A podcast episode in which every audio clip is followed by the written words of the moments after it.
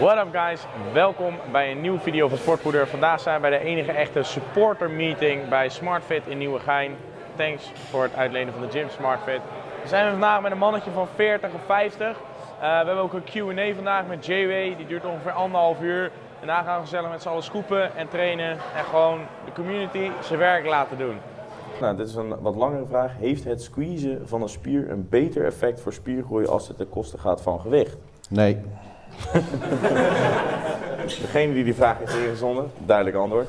Kan je, uh, want deze vraag komt waarschijnlijk wel op basis van een bepaalde logica. Um, squeeze doe je in principe in korte positie van de spier. Spieren zijn in kortere positie altijd zwakker dan in verlengde positie. Um, en vanuit onderzoek lijkt het in ieder geval zo dat verlengde positie of het excentrisch traject tot meer spiergroei leidt dan uh, verkorte positie. Dus meer tijd besteden in verkorte positie doet af aan load en daarmee dus af aan hypertrofie. Oké, okay, dus je zegt eigenlijk dus dat excentrisch beladen trainen meer voordelen heeft dan concentrisch. Ja.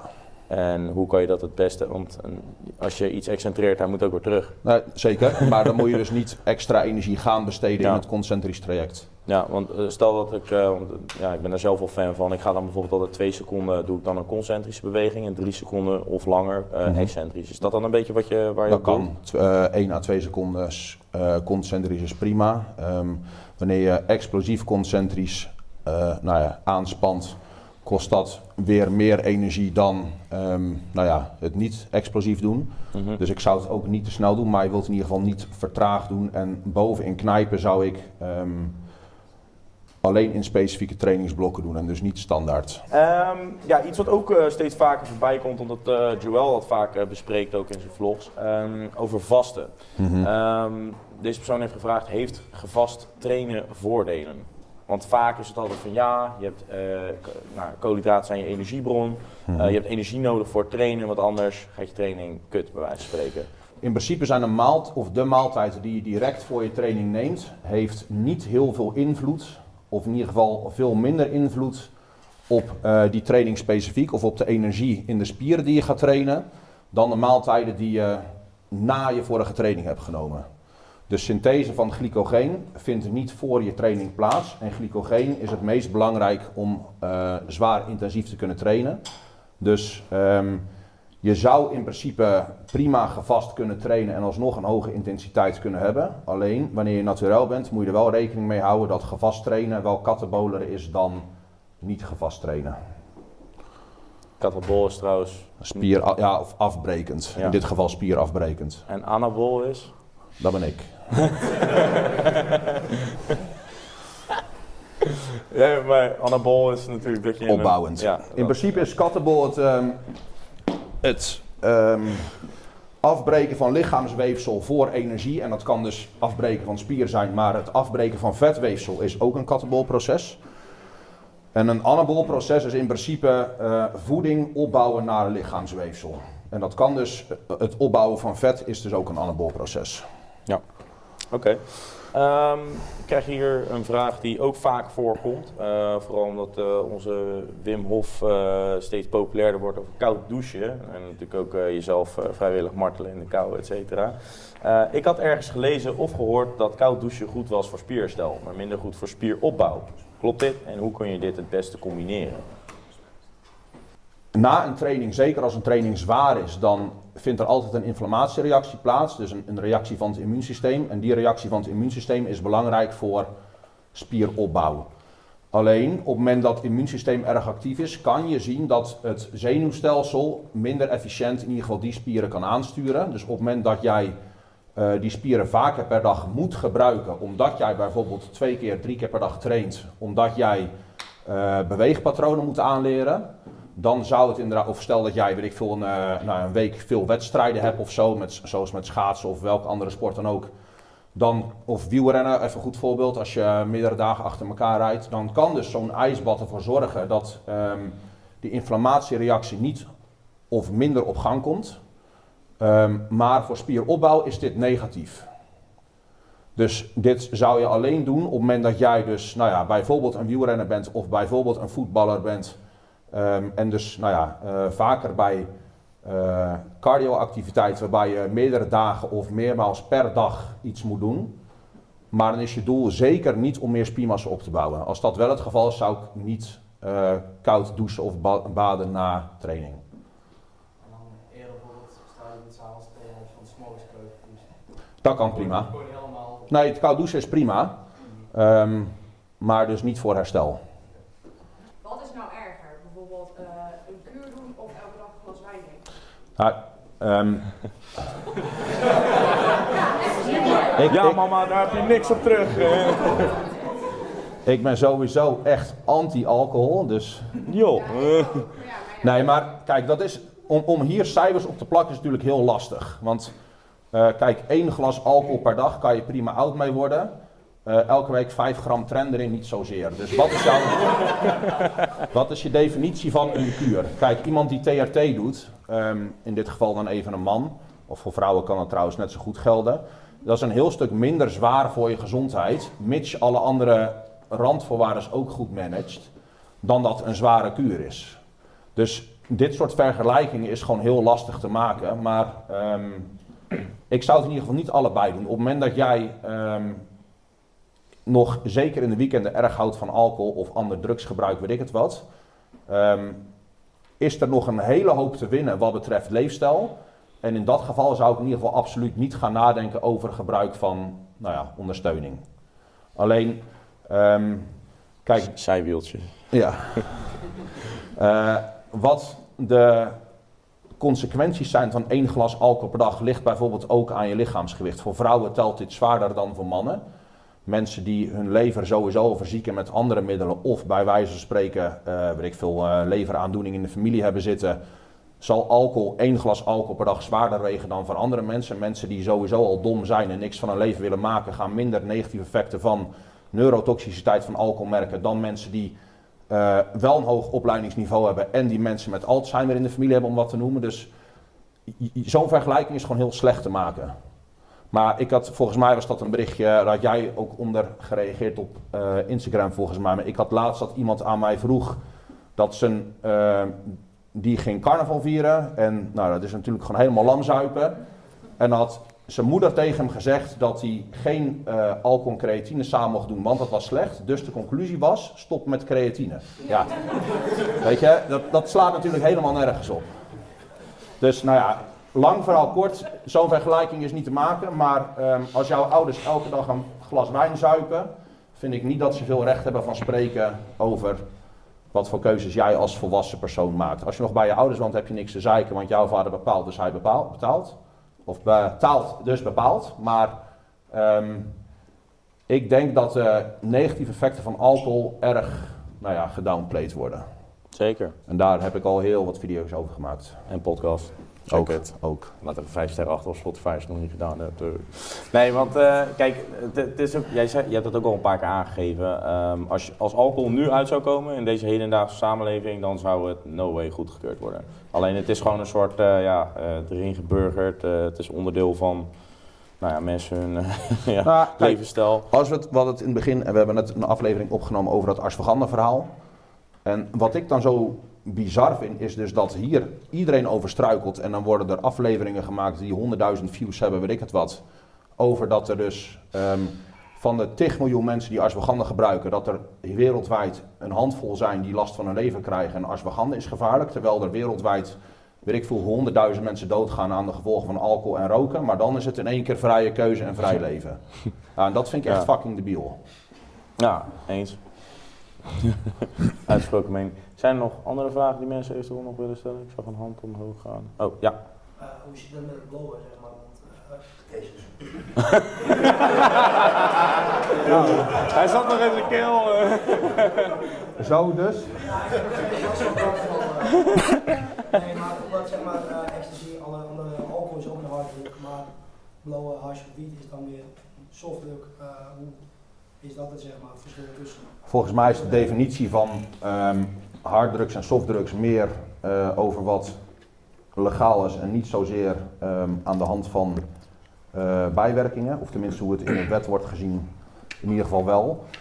Ehm, kijk, los van de negatieve effecten van hars en wiet, die er ook absoluut zijn, ehm, is de vorm van toediening ook nog belangrijk. En roken, maakt niet uit of je het via waterpijp, waterpijp is trouwens nog kutter dan via geen waterpijp, is gewoon heel erg slecht voor je gezondheid. En eh, nou ja, weet je, dan zijn er een hele hoop mensen die wat supplementjes nemen, zoals ik noem maar wat, ashwagandha, om eh, een beetje stress van hun lichaam af te halen, want dat zou positief effect kunnen hebben op resultaten.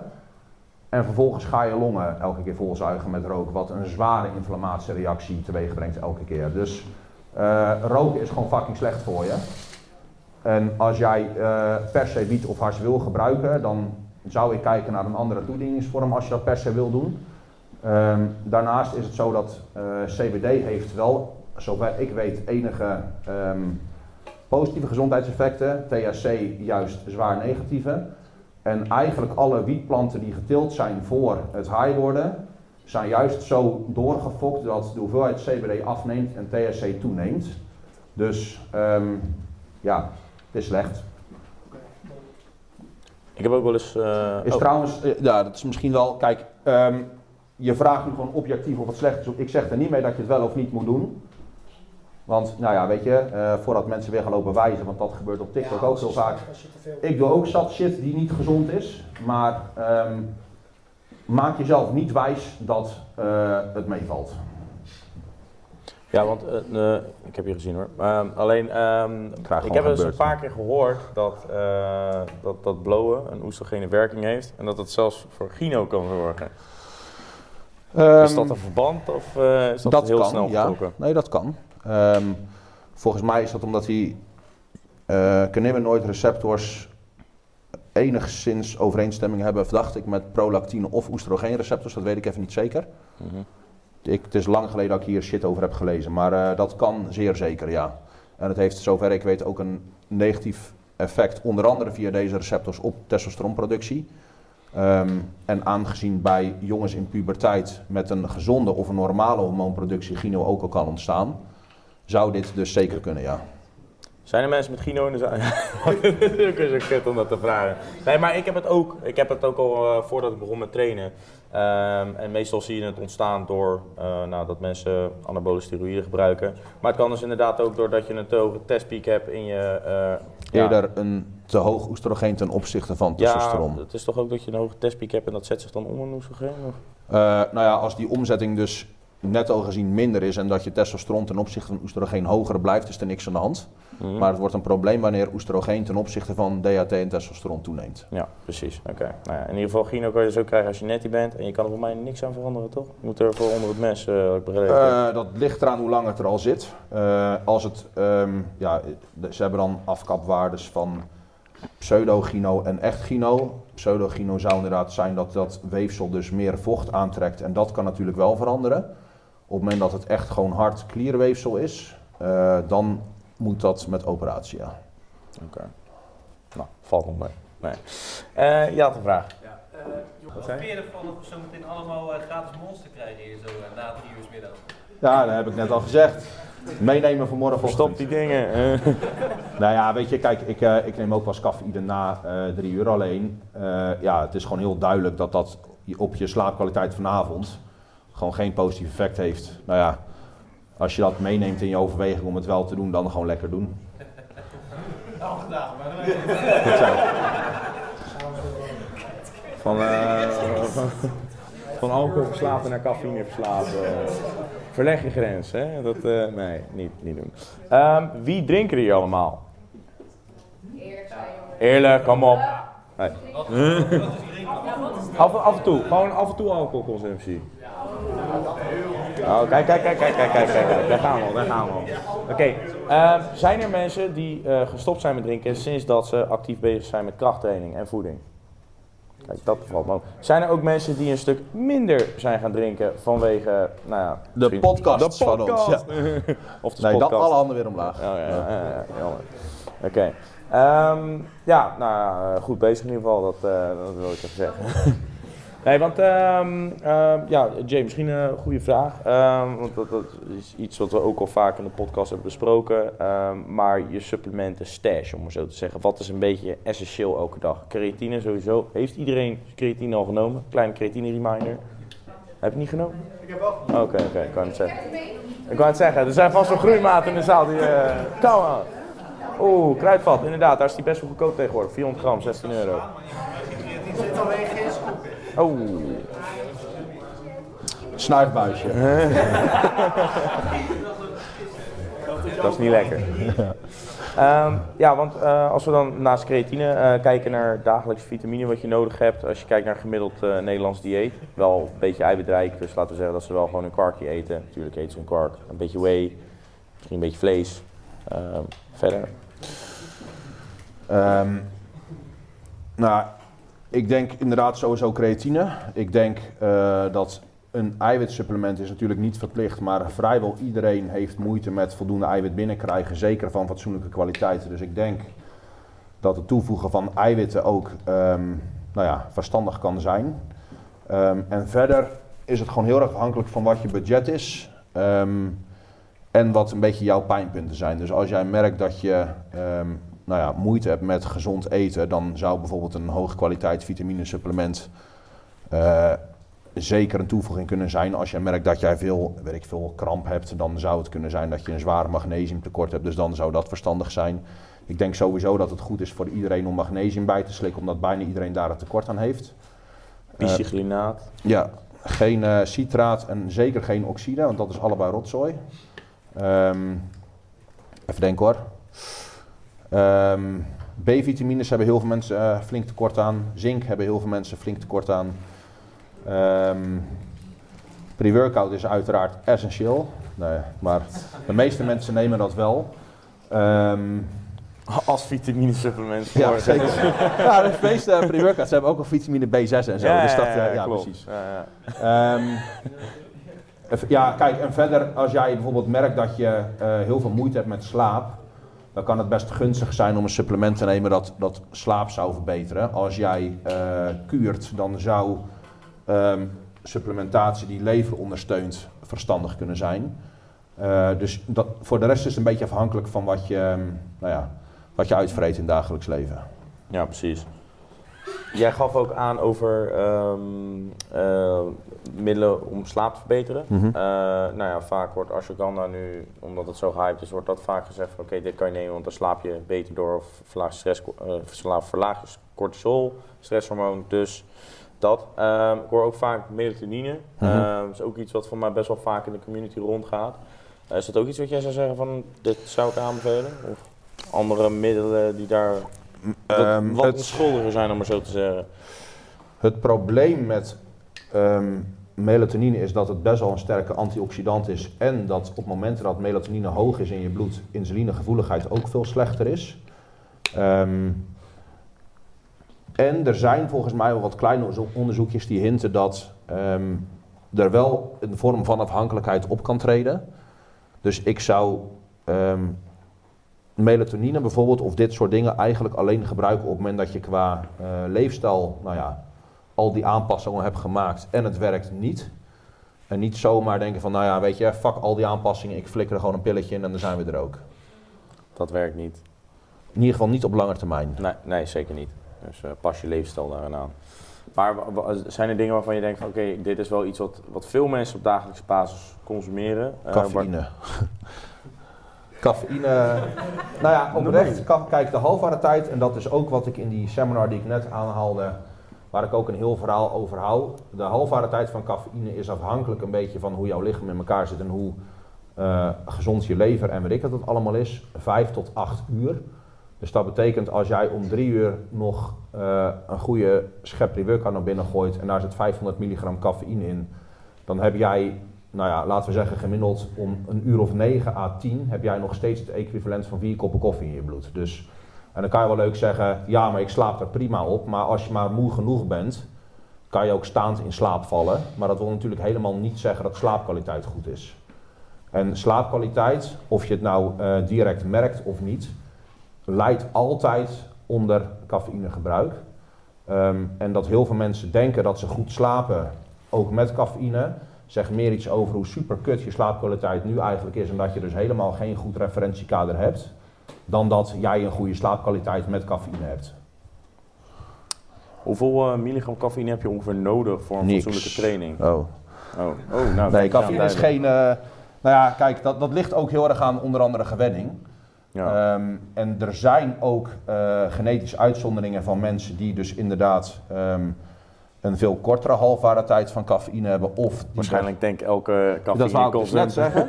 Bijna iedereen denkt dat je in die groep valt, maar die groep is echt bijzonder klein. Dus statistisch gezien ben jij het zeker niet. Ehm, er zijn ook mensen die aan zes uur slaap per nacht genoeg hebben, maar statistisch gezien ben jij die persoon niet. Dus de kans Ja. is heel erg aanwezig dat jij een uur of 8 à 9 nodig hebt. Zeker als je zware krachttraining doet, zou ik eerder mikken op 9 uur in plaats van 8.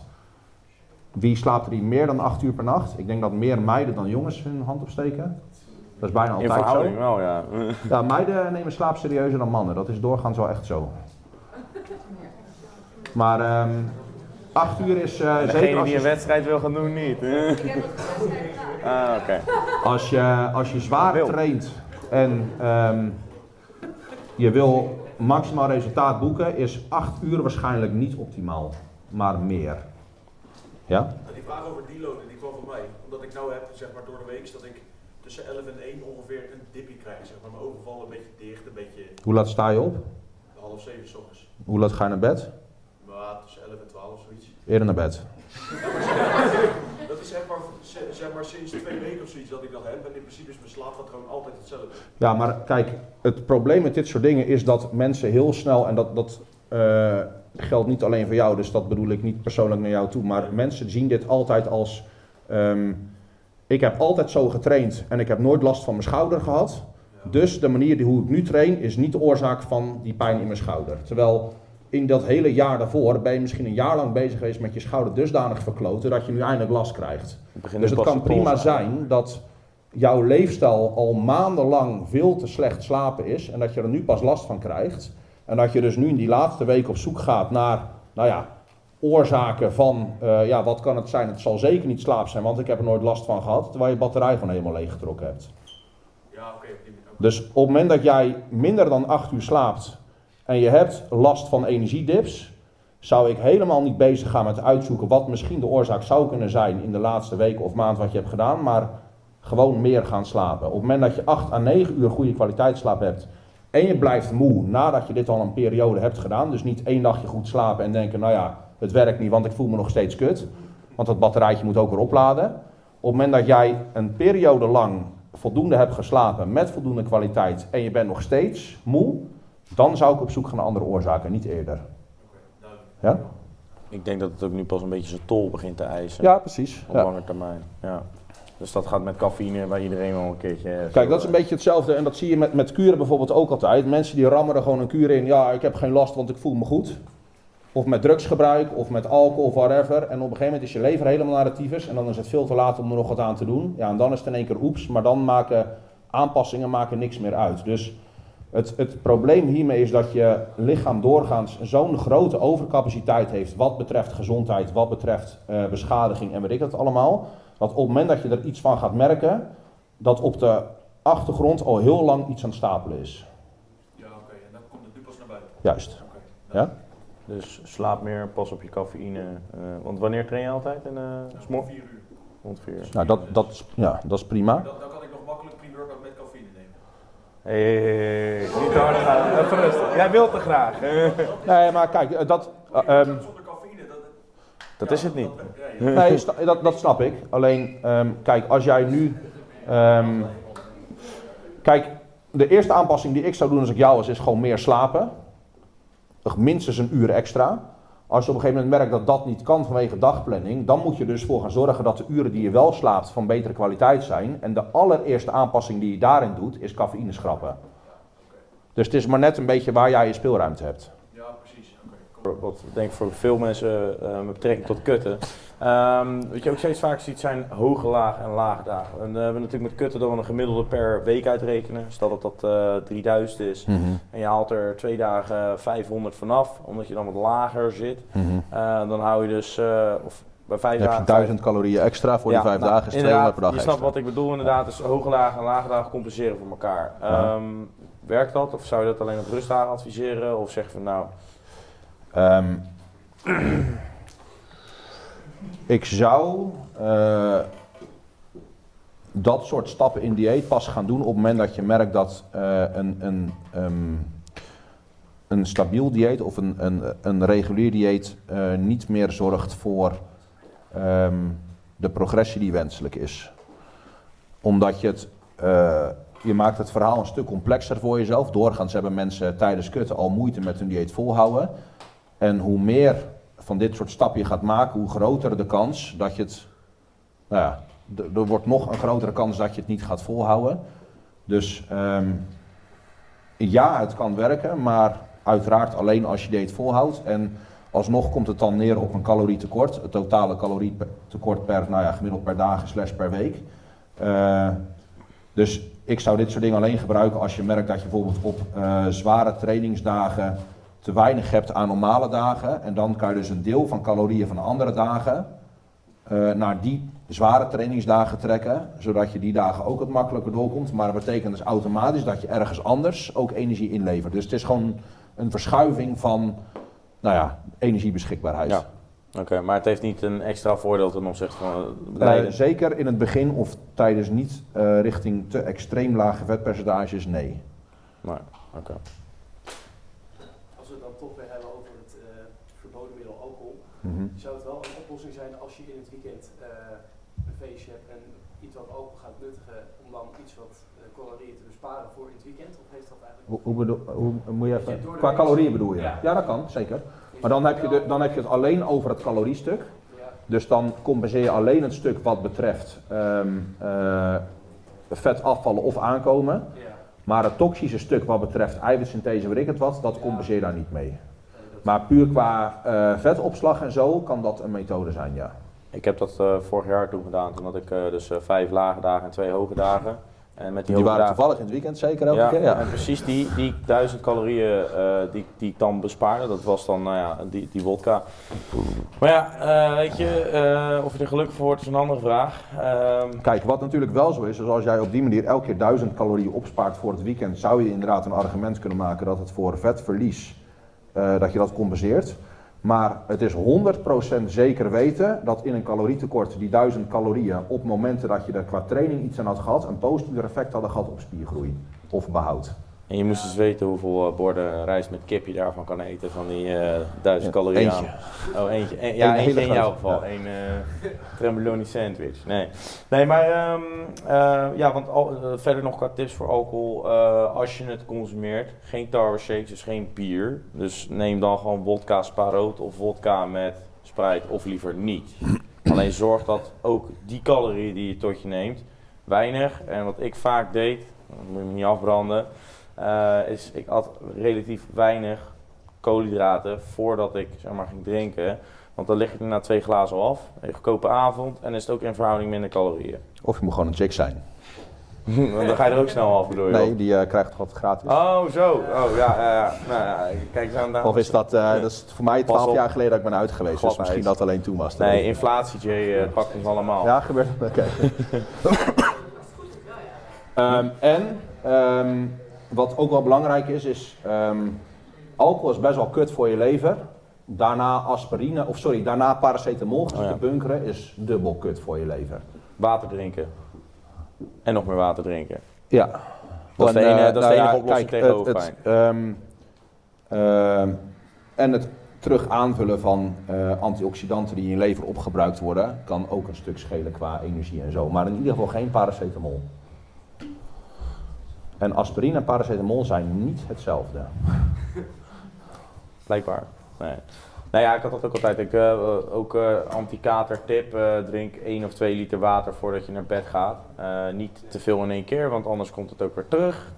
Eh, maar dat, eh, als je die vocht tot je hebt, want dat, de reden dat je kop aan krijgt is uitdroging. Dus eh, ja, dat. Maar stop gewoon met drinken jongens, betere tip. Want, eh, Ja,